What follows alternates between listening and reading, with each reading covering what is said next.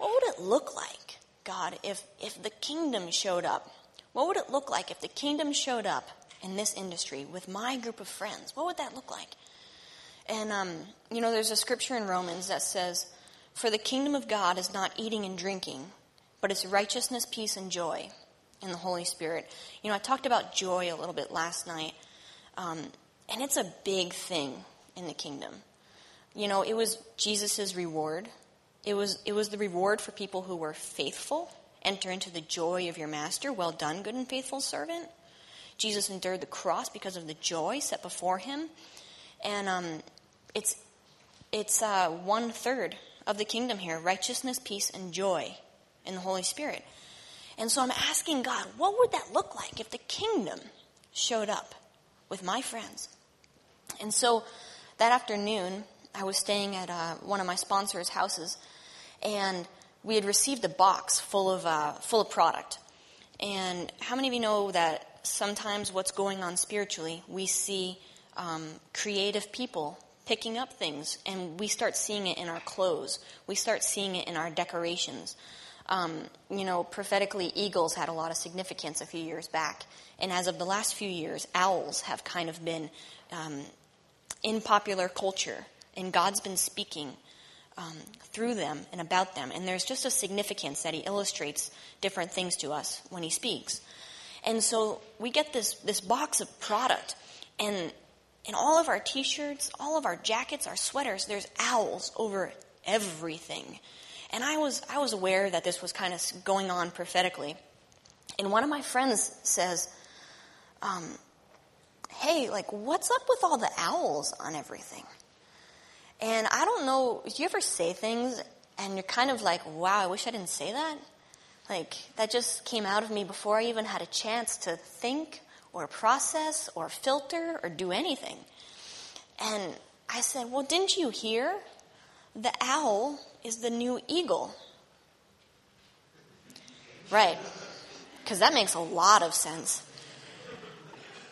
And I start laughing. And I start laughing uncontrollably. Like, have you ever been hit with the Holy Spirit laughter and you start laughing? And you can't really stop laughing. All you want to do is laugh.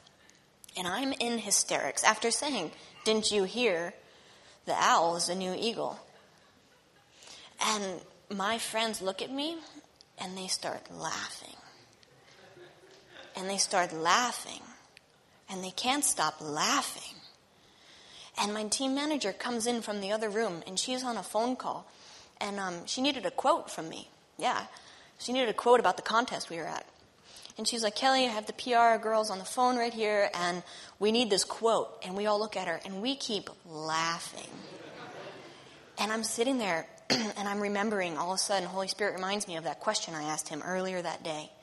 What would it look like if the kingdom showed up with my friends?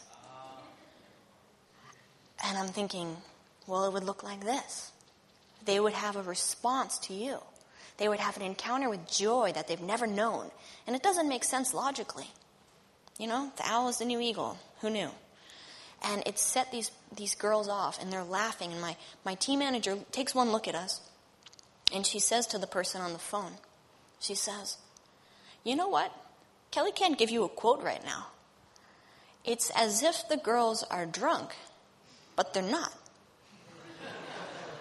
it's not drunk as you suppose and um, it, it was amazing you know to, to ask god what it would look like and he gave me that glimpse. And he showed up with my friends. And it looks different in every area. But I think God's really into it. If we just ask Him, if we just pursue Him, if we're open to hearing from Him, that's what it looks like.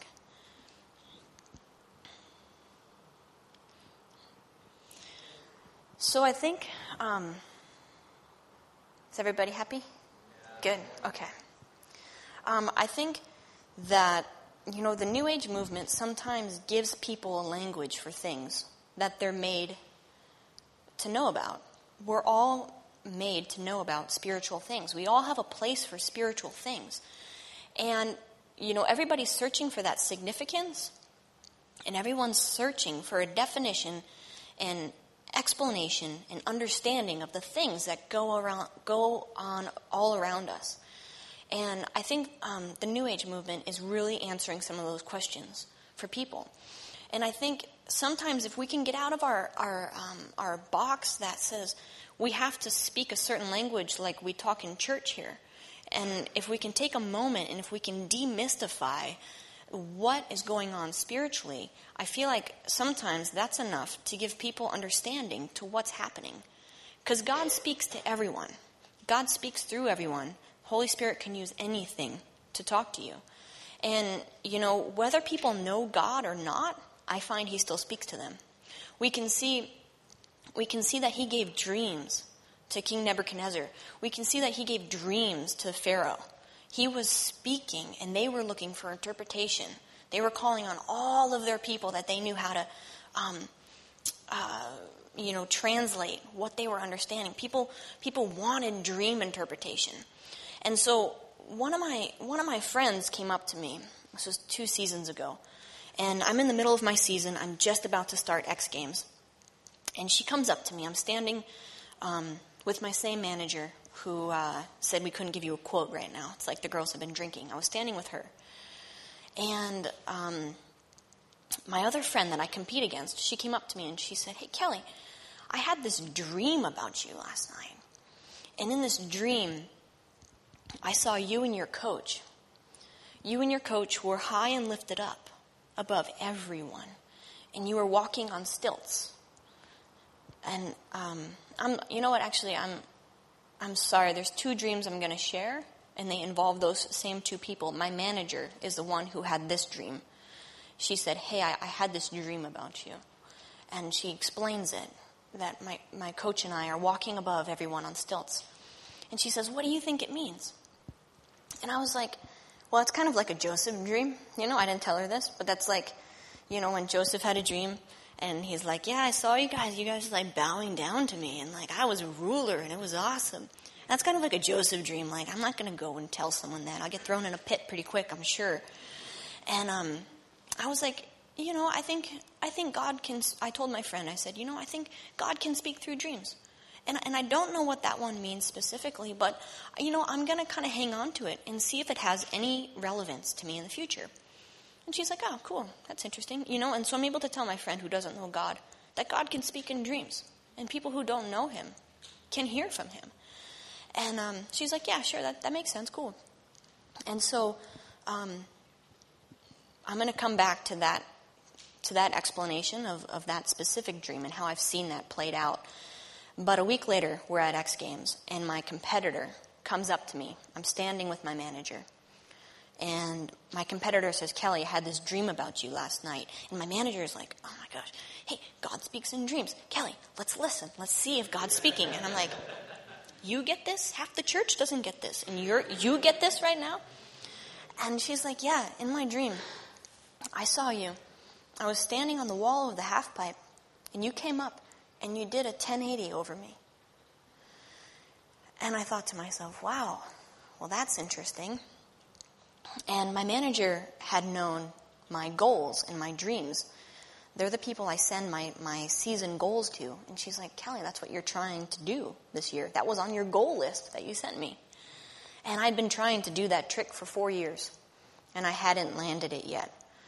And um, X Games was my deadline, my personal deadline of when I wanted to accomplish this. And um, so my friend is like, oh my gosh, God is speaking to you. Can you believe this? And I'm like, wow. Sometimes if we can just translate, you know, in a non religious way, the impact of the encounters that we have, God is able to do incredible things. And um, I'm like, wow, thanks for sharing that with me. That's, that's an incredible dream. And uh, so I go to practice, and um, the the practice at the X Games is, is really kind of a tight schedule, and you have X amount of hours, and um, it's getting towards the end of practice, and I'm thinking, okay, I've I've accomplished all of my things I wanted to do. I'm ready. Now I want to go for the more. Now I want to try this trick, and so I go and I try it and I fall, and I'm kind of discouraged, and as I took that run, they were like, okay, five minutes left. You only have five minutes. So I basically get on the snowmobile and I go back up to the top of the pipe as fast as I can. And um, there's like probably 90% of the people had left at this time because, you know, practice is just about closed. So almost everyone is gone. There's a few people around, and we're all taking snowmobile laps. You don't really have to walk up, thank goodness, that much anymore. Although I do like to work out, but not that much.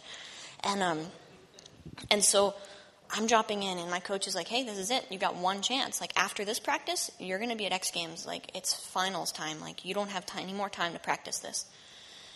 And so I drop in, and um, if you could go ahead and, and show that video, um, you get to see what happened.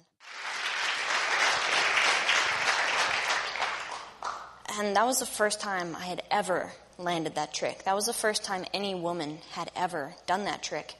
And uh, at X Games, they film our practice, and it went viral that night, and it's been online. And and um, I went down to the bottom, and like 90% of the people are gone. And my friend, who had the dream that said, "Hey, I was standing on the deck of the half pipe, and I saw you do a huge 1080 over me." She comes down to the bottom, and she's like, "Kelly." You've got to listen to this. And I, I'm standing with my manager again. She's like, That is exactly, exactly what I dreamed. I was walking up the pipe. I fell, so I jumped out early. I didn't take the snowmobile. I was walking up the deck. And you came and you did a huge 1080 right over me. And I was like, wow. And now my manager is like, can you believe that? So God was speaking to her? About you? It's like, yeah, that's what God does. You know, it's, and I'm going to tell her, and I was like, look, you have to know that He's speaking. And you just heard God in a dream. She heard God in a dream. That's what it's about. And if we can demystify these things and, and show people that, um, that God is real and He is present and He is out to encounter you, um, they're going to they're going to meet him. You know, if if we can show people the kingdom, they're going to want to meet the king. You know? And and for me when I when I um when I started that last season, when I started my next 4-year journey, when I said, "Okay, God, like I'll go for another 4 years." I didn't know what to expect. Um, you know, as an athlete, I have a high value for excellence, and I'm probably my my own worst critic, best competition. Hard, I'm the hardest one on my on myself, and um, I have very high goals, and and I wouldn't just do something to do something. If if I'm going to be part of this industry, and and I'm going to go another four years, I don't want to just uh, maintain what I'm doing and my position in this industry. Like, I, I, I want to continue to lead it. And I didn't know what that looked like. I've seen a lot of people go and, and, um, you're kind of, you kind of look at the end of their careers and you're like, well, maybe they should have stopped like a little bit earlier because they didn't really end well. I really want to, I want to end well. And, um, so I started and I, and I didn't know what to expect, but for me, I talked about living with integrity last night, and, and I want every area of my life to be um, run by the same principles. My, my relationship with God should have the same value set that my snowboarding does. If I have excellence and fun and integrity with my snowboarding, that's what my relationship with God should be like. I don't think there, there should be this big separation of ministry, of life, of family, of careers. Um, you know, uh, this is just like a, a, a, side note. I talked about the next generation last night. And um, in my video, I, I, I, said I've started a, a nonprofit organization because I'm starting to see the value for leaving a legacy, for having an impact beyond just what I'm doing. If, if I'm part of the snowboarding industry, I want to make sure that it's a better place because I was a part of it. I don't want to look back and say, wow, I have a lot of good contest results because to whose benefit is that?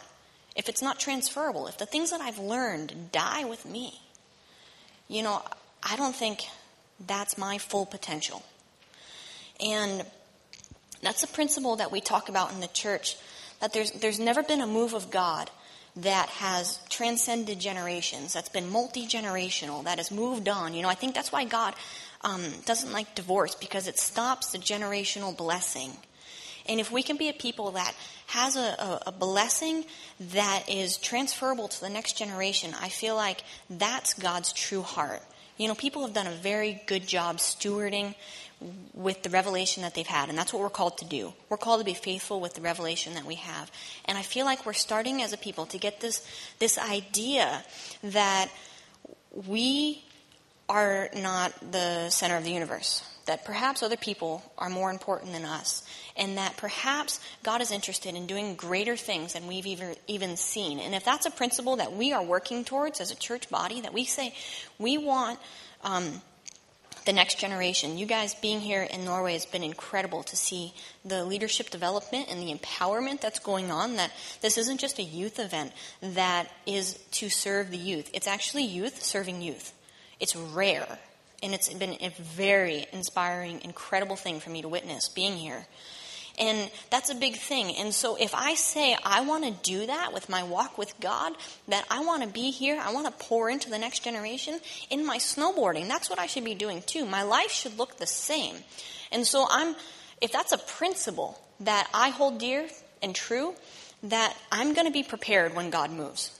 If that's a value that I hold true now, then I'm saying, okay, in my snowboarding, I want to be concerned with the next generation. I want to see them go further than I ever could, if that's something I do in everyday life, when when a move of God happens, that's going to be my normal. Like I said last night, it starts with being faithful with the small things. It starts with the fundamental values and principles that you let shape your life. So when what goes on around you, you're not going to get it when you get there. It's like trying to go to the Olympics and saying, "Wow, I should have I should hopefully I've got it. I didn't practice, but now I'm good, right? I should be cool." It's it's making a plan for that and, and allowing your values to shape what's going to happen. You know, that way we look at it like you're not going to fall into the negative, like I talked about last night. Like you're not going to um, be in an industry and be influenced by it. But in the positive as well, when God moves, if that's a principle that you guys hold true, you're going to be that generation that says, look, this blessing from God is going to go generation to generation to generation. Does that make sense? Um, and so, if I'm intentional in my walk with God, I talked a lot about it last night. What would that look like to be intentional as a snowboarder?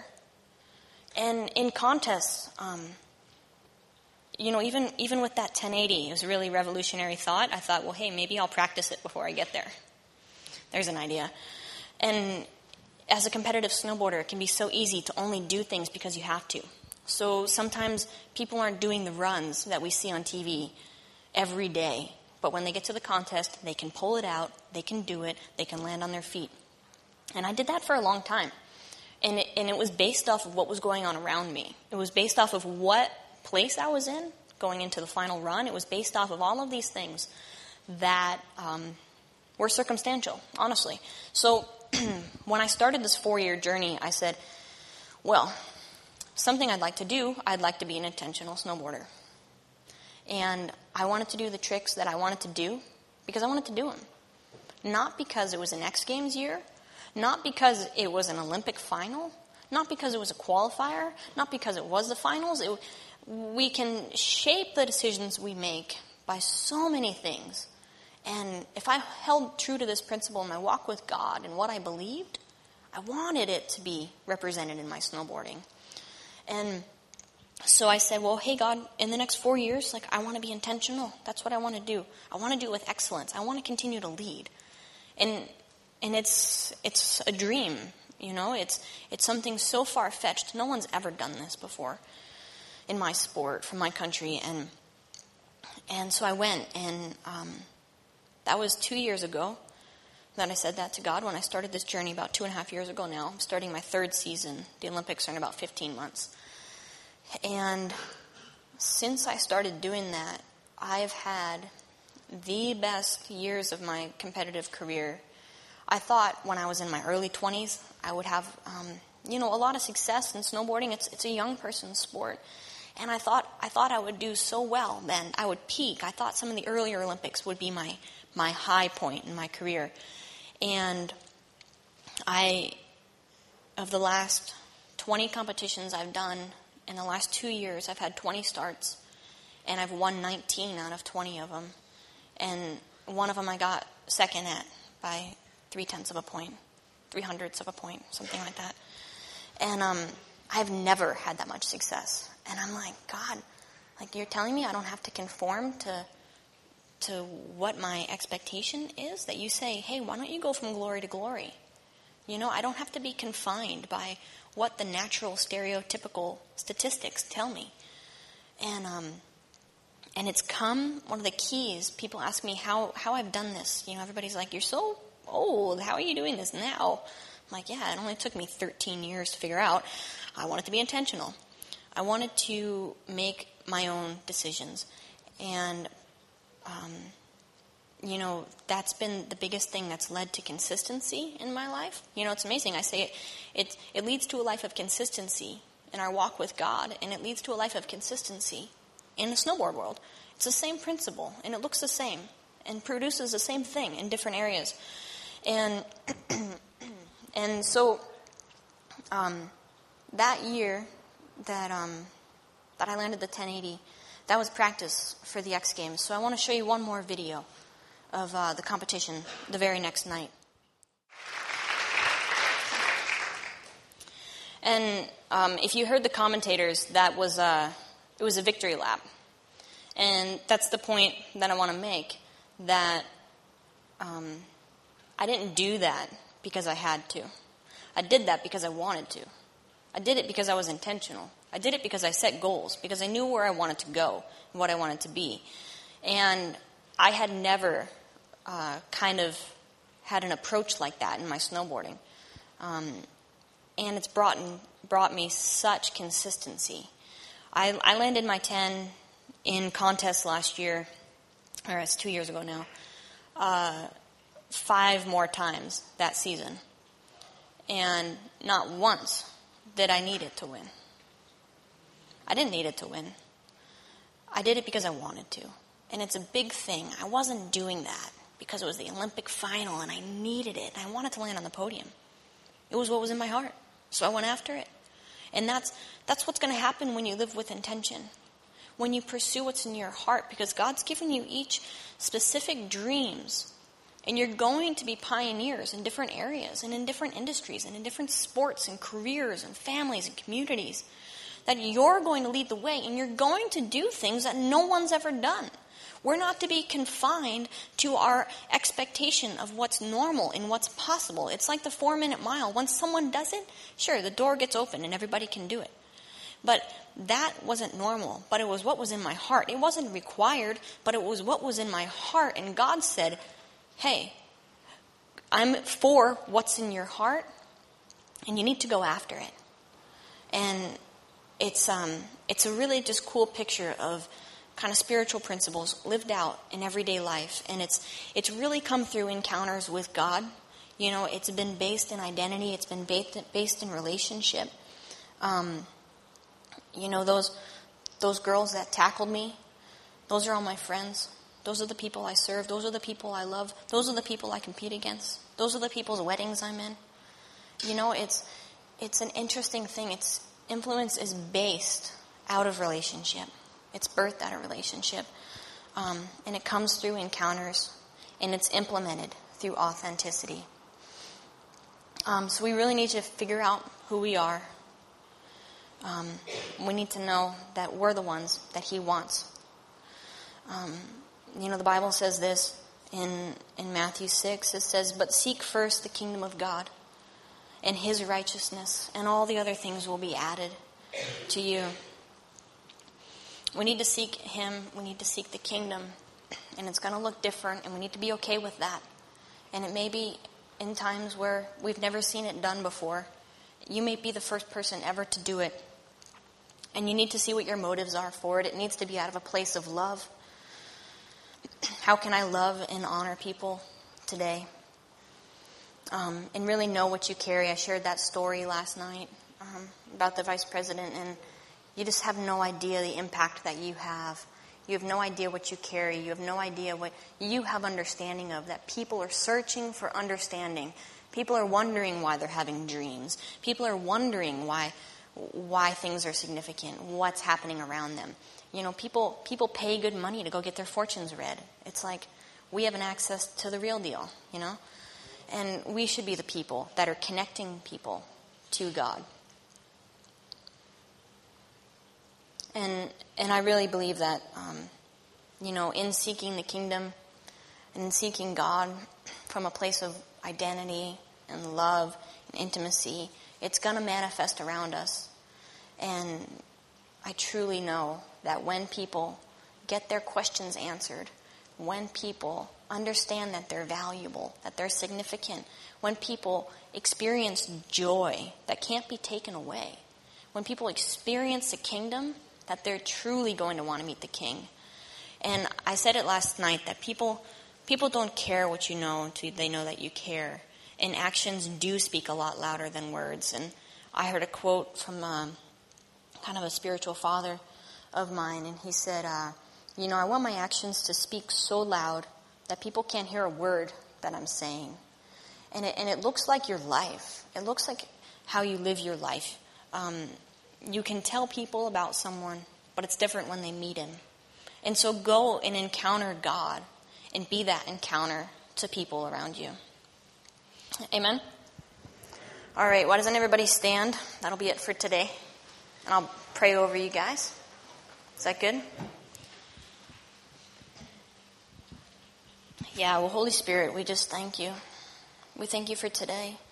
We thank you for this weekend. I thank you for what you're doing in Norway. I thank you for the hunger that I've experienced here, God. And I just ask that you'd come right now.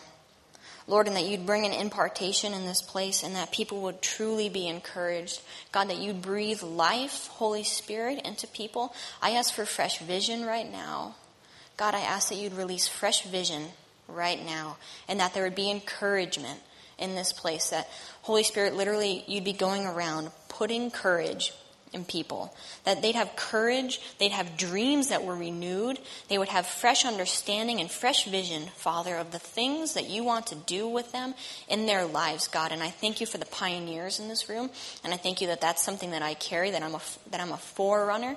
God, and I ask that you'd release this in this place tonight, God, that you'd release that forerunning spirit that, um, that, yeah, I thank you that these people have the permission to do the impossible God, I thank you that all things are possible with you.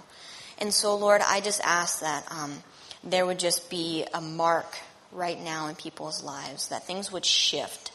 God, that they would be those leaders and those influencers that would um, transform the worlds around them, and that they would be forever transformed and uh, lead the way and bring the kingdom into every area, into every um, mountain, into every uh, hospital and family and community.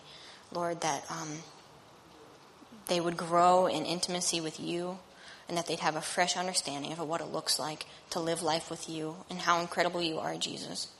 So I thank you. In Jesus' name, amen.